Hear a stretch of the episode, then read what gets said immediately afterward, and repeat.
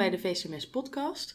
Uh, mijn naam is Simone Schnitzler en ik ben de voorzitter van VCMS Rotterdam. En tegenover mij zit uh, dokter Christine Vermeulen. Zij is werkzaam als militair chirurg en als trauma- en vaatchirurg. Heel graag heet ik u van harte welkom bij deze podcast en fijn dat we u mogen interviewen. Zou u zich uh, allereerst willen voorstellen? Dankjewel Simone. Ik ben inderdaad Christine Vermeulen. Um, nou, je hebt al gezegd wat ik doe.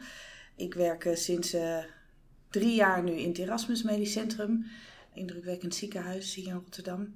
En uh, ben sinds uh, 2010 militair, maar ook vierde generatie militair. Dus ook een heel klein beetje sinds mijn geboorte misschien. Nou, hartelijk dank. Um, u vertelde net al dat u inderdaad werkzaam bent als militair chirurg en daar heb ik het natuurlijk ook over gehad. Ik kan me voorstellen dat veel geneeskundestudenten, en dat zijn met name de mensen die naar deze podcast zullen luisteren, niet precies weten wat het vakgebied van de militaire chirurgie inhoudt. Kunt u daar wat meer over vertellen? Ja, dan zou ik me met name uh, richten op uh, de Nederlandse militair chirurg, want het is per land een beetje verschillend. Niet zozeer uh, wat we in uitzendgebied doen, daar ben je oorlogschirurg. En ehm, daar doe je met name damage control chirurgie, zoals we dat noemen. Dus de, de eerste nodige operatieve handelingen die voor het slachtoffer of voor de slachtoffers daar aan de orde zijn. En uh, dan ga je zo snel mogelijk kijken waar de patiënt of de slachtoffers het beste terecht kunnen. Soms kunnen ze blijven en soms betekent dat uh, dat ze dan terug naar huis gaan. Of in het geval van Amerika naar Duitsland. Uh, want we hebben natuurlijk heel veel oorlogen op dit continent of op deze continenten. Dus die hebben een, een, een ziekenhuis in Duitsland daarvoor. Okay. De Nederlandse militair chirurg wordt dus af en toe uitgezonden naar de gebieden waar wij als Nederland meedoen aan een missie. Doe nooit in ons eentje een missie. En in het missiegebied ben jij de chirurg.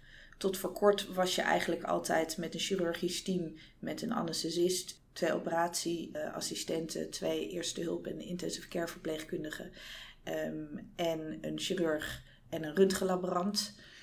Even kijken of ik dan iedereen heb genoemd. Oh, een anesthesiemedewerker natuurlijk.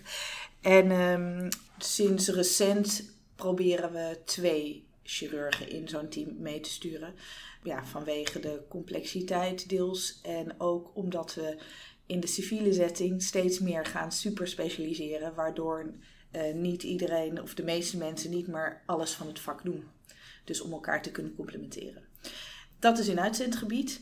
Maar eigenlijk het grootste deel van de tijd zijn wij gewoon in Nederland en werken we in een van de op dit moment twaalf relatieziekenhuizen. Die hebben een uh, contract en afspraken met uh, Defensie. En die zitten door heel Nederland. Dat zijn uh, veel van de grotere ziekenhuizen. Maar bijvoorbeeld in Rotterdam zijn er vier ziekenhuizen. Dus zijn er best veel. En daar werken wij gewoon in het wit met alle patiënten. En dat kan op twee manieren. Je kan beroep zijn. En dan ben je in dienst van het ministerie van Defensie. En ben je eigenlijk extra, bovenformatief noemen we dat, in je ziekenhuis waar je werkt. En het idee is dat daar tegenover twee reservisten staan. Die vallen in de gewone constructie van alle chirurgen in dat ziekenhuis. Dus dat is deels maatschap of MSB tegenwoordig en eh, deels uh, in loondienst. En die gaan dan, als ze op uitzending zijn, vallen ze onder uh, ja, tijdelijke bescherming van het ministerie van Defensie. En die contracten zijn dus tussen de ziekenhuizen met het ministerie van Defensie. Interessant. Ja, zeker. We hebben dat in Nederland zo opgelost, want wij zijn natuurlijk een klein land met heel veel mensen. En doen we aan best veel dingen mee in de wereld, maar desalniettemin een klein land. Dus we zijn te klein om um, militaire ziekenhuizen te hebben. We hebben er wel één in Utrecht. Um, alleen die werkt een beetje anders. Dus daar is, uh, uh, die werkt als een uh, gewoon ziekenhuis ook. Maar dan komen daar militairen met name. Um, maar dat is een klein ziekenhuis. Dus daar komen niet grote trauma's of grote andere dingen. Want dat, dat kan dat ziekenhuis niet aan. En dat zouden met alleen militairen. Ja, daar, daar heb je de patiënten niet voor. Um, en op een kazerne heeft een chirurgisch team natuurlijk niets te doen. Dus wij hebben het op deze manier opgelost. Dat zo in de jaren negentig is dat systeem eigenlijk geconstrueerd.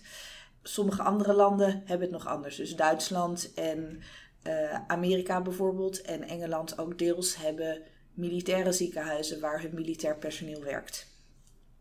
Oké, dank voor het uh, mooie uitgebreide antwoord.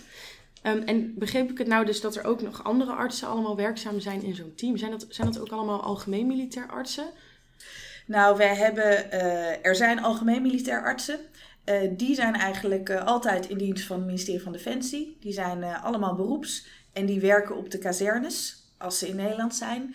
Ehm, meestal op de ziekenboeg, zoals we dat noemen, militair. Dus dat is een soort huisartsenpost eigenlijk voor militairen.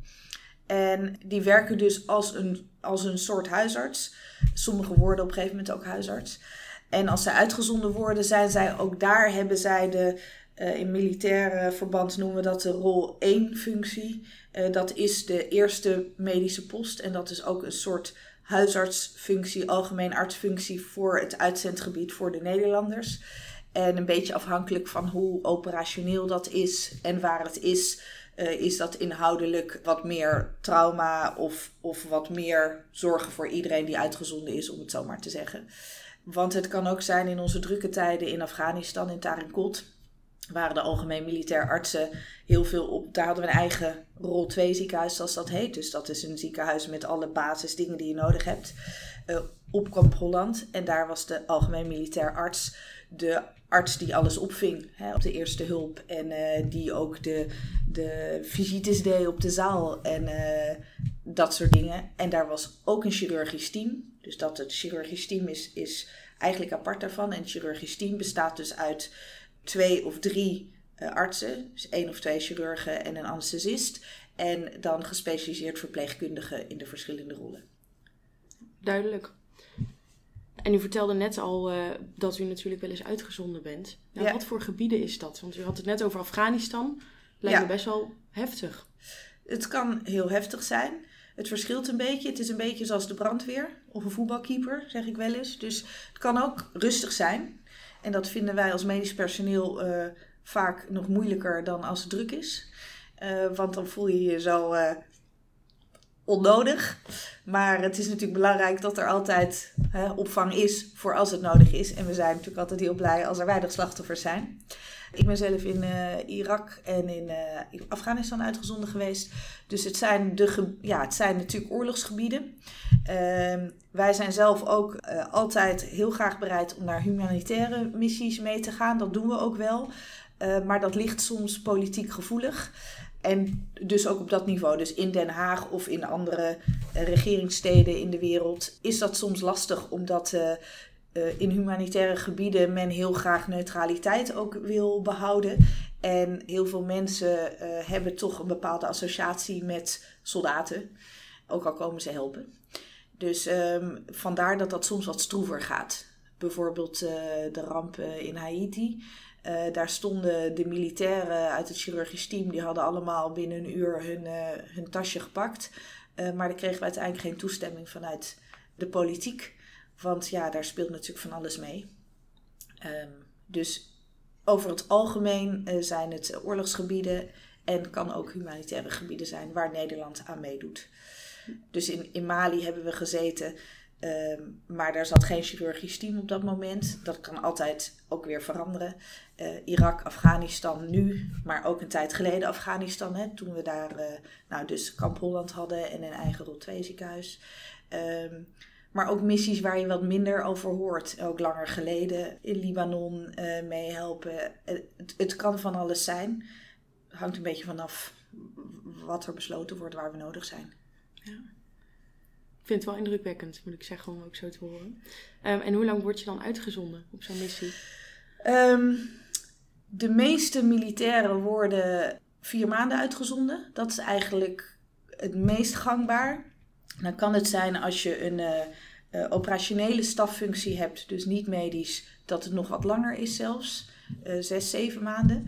En voor ons is het juist voor de chirurgische teams wat korter. het was drie maanden. Toen was het eigenlijk ook in overleg met chirurgen nog korter geworden naar zes tot acht weken. Omdat wij eigen patiënten hebben en je die dan uh, ja, natuurlijk achterlaat. En dan kon je, kon je, net zo met zes weken kon je ze zelf zien. Maar dat bleek weer een beetje kort. Dus nu is het eigenlijk vaak tussen de twee en drie maanden.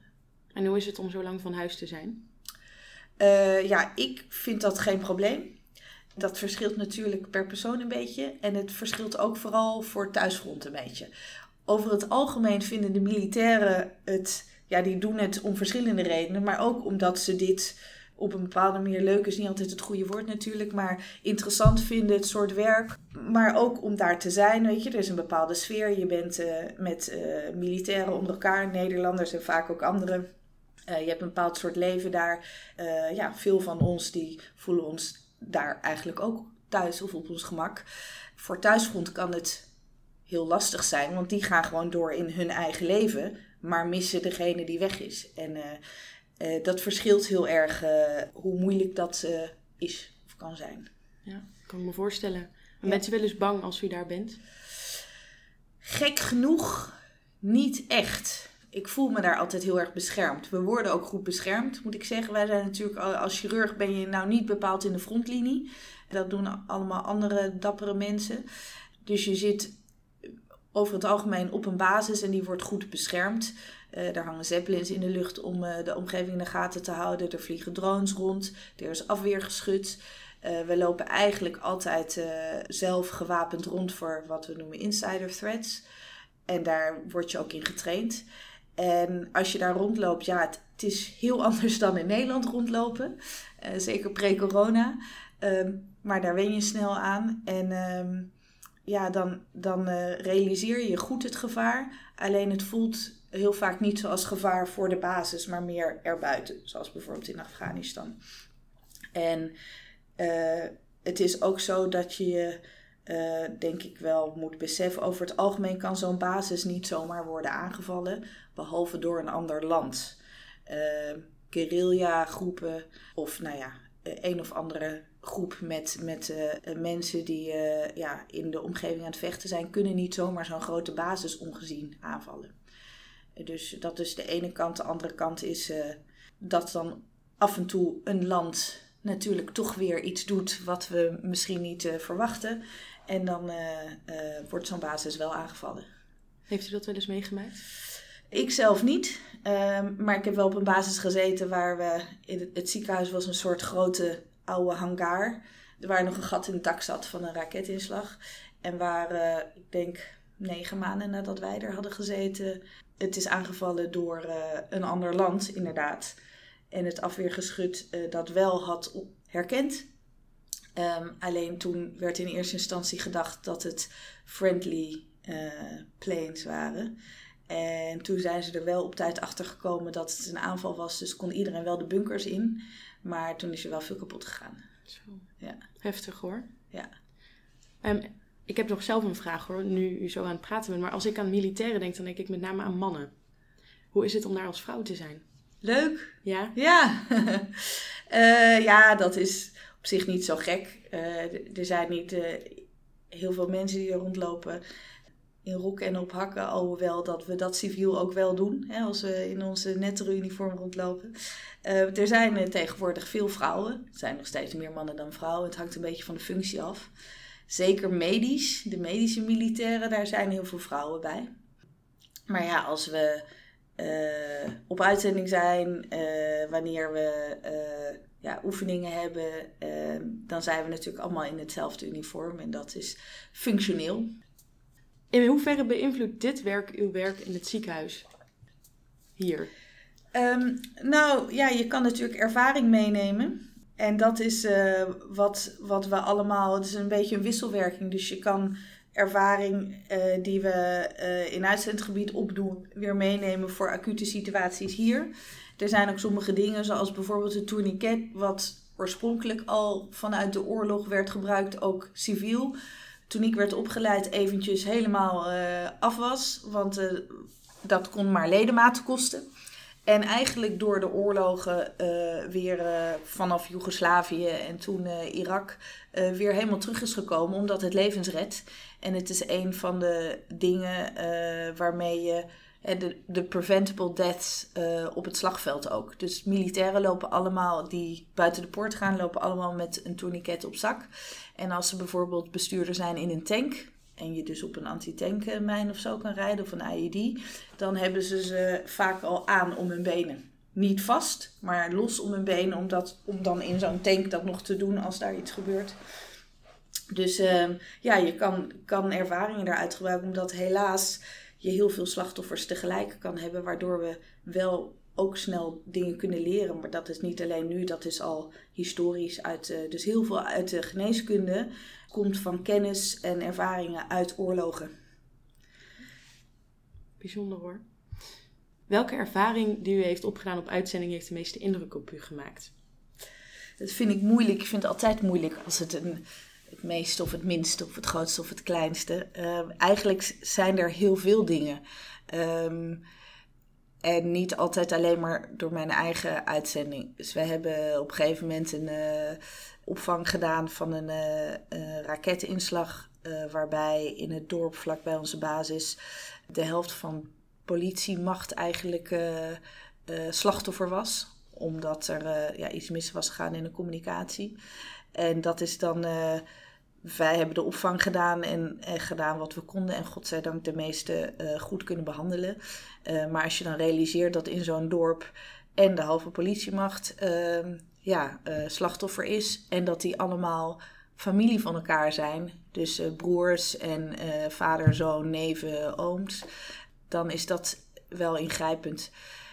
Um, iets anders is eh, in, in het lesgeven en het trainen van medisch personeel en ook medics hoor je ook allemaal verhalen. En er is één medic, uh, die, uh, dus dat is een, een operationele militair, een trooper, die extra medische opleiding heeft om dat in het veld te kunnen uitvoeren, om zijn, zijn kameraden eerste hulp te geven.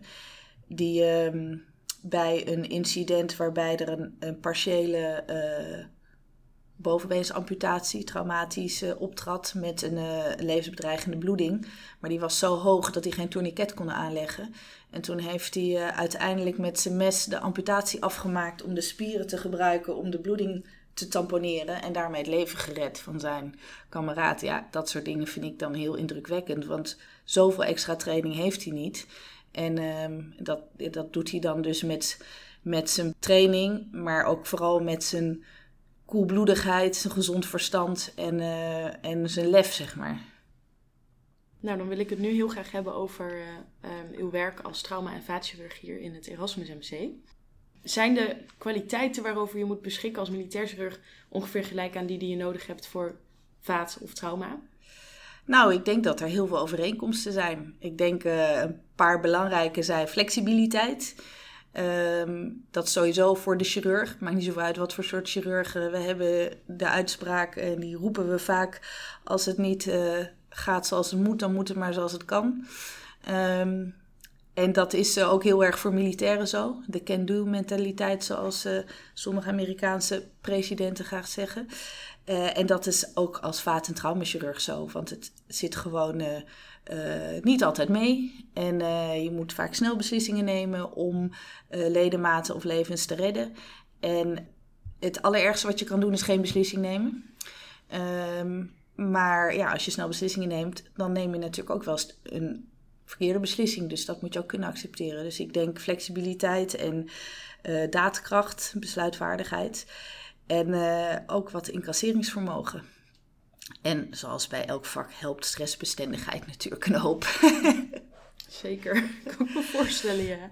En ja, ik wil daar nog één belangrijk aan toevoegen. En dat is, maar dat is niet zo specifiek alleen voor chirurgen. Maar um, ik vind het zelf het leukste ongeveer. Uh, en ook uh, een van de belangrijkste dingen dat je met een team werkt. En dat is uh, natuurlijk in de chirurgie heel erg zo. En dat is militair nog meer zo al die uh, populaire uitspraken die uit Amerikaanse films komen, dat is echt zo. We laten niemand achter en uh, we steunen elkaar altijd in woorden en daden. En dat is uh, heel plezierig werken. En dat neemt u zeker ook hiermee naartoe? Neem ik ook zeker hiermee naartoe. En dat is ja, hoe je natuurlijk het liefst in het ziekenhuis ook werkt. Um, want dan, ja, dan, dan kunnen we het meeste doen voor de patiënt. Ja, mooi hoor. En hoe verdeelt u de tijd tussen de verschillende specialismen waarbinnen u werkzaam bent? Ja, dat, dat overkomt je ook een beetje. Um, we hebben het zo verdeeld. Ik um, doe wat meer voor de vaatchirurgie dan voor de traumachirurgie, omdat dat ook een kleinere groep is. Dus daar hebben we wat meer uh, uh, uh, mankracht nodig. En dus het is een beetje, nou wat zal het zijn, 65, 35 procent of zo in de week. Ik doe deels gecombineerde diensten en enkele diensten voor de vaatchirurgie. En ehm, ja, overdag een beetje ook hoe het uitkomt, wat er nodig is. En hoe ziet uw week er dan uit? Gemiddeld? Nou, we werken in een academisch ziekenhuis, dus dan uh, opereer je over het algemeen ietsje minder dan in, uh, in perifere ziekenhuizen, omdat er ook veel andere dingen zijn. Uh, aan de andere kant hebben we hier ontzettend interessante pathologie en, en dus ook vaak wat langere operaties waar we met meerdere tegelijk werken. Dus mijn week is over het algemeen opereren, polykliniek draaien, superviseren van afdeling eerste hulp, um, één of twee keer dienst, uh, trauma's zijn, um, besprekingen natuurlijk en overleggen en uh, vaak wat uh, onderwijs geven. En, en dan ja, de administratie en de bestuurlijke dingen die gaan er een beetje omheen. En wanneer zijn die diensten dan? Zijn die met name s'nachts of? Ja, bij ons is dienst altijd s'avonds, nachts. Dus wij hebben gewoon een vaste werkweek en daar doen we bovenop de dienst. En uh, ongeveer één keer per maand het hele weekend. Um, in de chirurgie hebben we niet zo heel veel daar compensatie uh, voor. Maar stel dat je s'nachts moet opereren, dan regelen we eigenlijk altijd onderling dat diegene naar huis kan en de taken worden overgenomen. Um, dus uh, ja, onze, als wij het hebben over dienst hebben, dan gaat dat eigenlijk altijd over s'avonds en s'nachts of op weekend en feestdagen. Ja. Wat vindt u het allerleukste aan het werk hier in het Erasmus MC? Ja, de combinatie van. Uh, ik heb hele leuke collega's, dus dat is heel leuk. ontzettend interessante pathologie, ingewikkeld ook vaak. waar we met elkaar eigenlijk altijd voor de tien gaan. En we zeggen nooit het kan niet. We gaan altijd kijken hoe het kan. Als het in heel veel, op heel veel andere plekken niet kon. Dus dat is heel erg leuk. Um, en ehm, wat fijn is aan zo'n groot academisch ziekenhuis, dat daar ook de ruimte voor is. Voor, voor de tien gaan, voor ingewikkelde, zeldzame dingen doen. Want dat is natuurlijk niet altijd lucratief. Um, en uh, daar mogen we hier iets minder uh, de nadruk op leggen. En de combinatie van patiëntenzorg met onderwijsopleiding en onderzoek is natuurlijk toch ook heel erg leuk in zo'n ziekenhuis. Want daardoor heb je en veel kennis, ondersteund door wetenschap. Um, en je hebt de exposure aan heel veel verschillende dingen. En voor mij, ja, ik heb ik, ik word extra verwend omdat ik en trauma en vaat mag doen. En uh, dat is ongebruikelijk. Uh, maar dat hebben ze wel uh, voor me kunnen organiseren hier. Dus dat is hartstikke leuk. Ja, lijkt me heel dynamisch inderdaad. Heel ja. mooi. Ik zou heel graag nog even terug willen gaan in de tijd. Want er luisteren naar deze podcast natuurlijk ook studenten, geneeskunde, die aan het begin van hun carrière staan. En voor hun is het misschien wel leuk om zich te laten inspireren door iemand zoals u. Um, hoe heeft u uw studententijd ervaren? Ja, heel goed. ik was wel blij dat er uh, toen nog geen smartphones waren. Wij allemaal van mijn generatie. Want dan kan je allemaal dingen doen die dan kunnen, maar niet meteen worden vastgelegd en ergens op internet weer verschijnen. Dus dat is een groot voordeel boven de tijd van nu. Het was vroeger niet allemaal beter, maar het is ook niet nu allemaal beter. Nee, het was hartstikke leuk. Uh, ik heb uh, een heel actief drukke studententijd gehad. Want ik hockeyde uh, in Dames 1 en ik studeerde geneeskunde. En ik vond het leuk om allemaal uh, studentenvereniging activiteiten te doen. dus dat was heel druk. of heel actief moet ik zeggen. En ehm, dat vind ik ook wel een belangrijk onderdeel van de studententijd. Het is natuurlijk een beetje sip het afgelopen jaar. toen dat wat minder kon. Maar dat is gewoon, ja, in je studententijd heb je daar gewoon nog wat makkelijker kun je dat in je leven in programmeren. Ja. Heeft u ook hier in Rotterdam gestudeerd? Of? Nee, ik heb in Leiden gestudeerd. Uh, ik heb wel in Rotterdam gekeken, uh, omdat ik in Den Haag was blijven hockeyen, uh, ben ik wel in de buurt gebleven. Ik heb in Leiden gestudeerd en ben daarna heb ik promotieonderzoek gedaan in de gynaecologie, ook in Leiden. Want in eerste instantie wilde ik gynaecoloog worden. Toen ben ik ook in opleiding gegaan tot gynaecoloog in Cluster Leiden. Toen besloot ik eigenlijk dat ik toch uh, militair chirurg wilde worden of naar de oorlog meehelpen voor vrede en veiligheid. En uh, dat was eigenlijk van kind af aan speelde dat al mee. Ik wilde vroeger commando worden, maar dat mocht ik niet als meisje. Nou, zoals gezegd, ik ben vierde generatie, dus, dus het was ook wel echt meegegeven. Ja, en het is minder logisch als gynaecoloog toch naar de oorlog te gaan. Ook al kan er wel een spoedsectio of zoiets voorbij komen. Um, dus toen ben ik gestopt met mijn opleiding tot gynaecoloog. En um, uh, heb ik gesolliciteerd voor de opleiding chirurgie. En uh, ik heb na mijn kooschappen, nee, dat niet zeggen, na mijn studie geneeskunde promotieonderzoek gedaan. Uh, toen kooschappen. En toen ben ik eerst um, skileraar geworden in Oostenrijk. Leuk. Een paar winters fulltime en dan in de zomer maakte ik mijn onderzoek af. Dat vond ik zelf een uitstekende combinatie. en toen ben ik daarna in de opleiding gegaan tot gynaecoloog en uh, vervolgens uh, tot chirurg. En de opleiding tot chirurg heb ik in Amsterdam gedaan. En toen heb ik nog een jaar in Hamburg gewerkt als vaatchirurg. En toen ben ik teruggekomen en beroeps geworden. Heb ik in Tilburg een jaar gewerkt. Heb nog in Zuid-Afrika gewerkt. En sinds drie jaar dus hier. Heel wat. Ja, hè? Ja, wel leuk, lijkt me. En hoe lang was u bezig met de opleiding ging toen u uh, overstapte? Nou, ik was uh, een jaar bezig en ik had wat korting, dus ik moest nog vier jaar. Ik heb daar wel uitgebreid. Ik heb eerst gepraat met mijn opleider en ik ben een snuffelstage chirurgie gaan doen. En uh, gepraat met andere gynaecologen en traumachirurgen.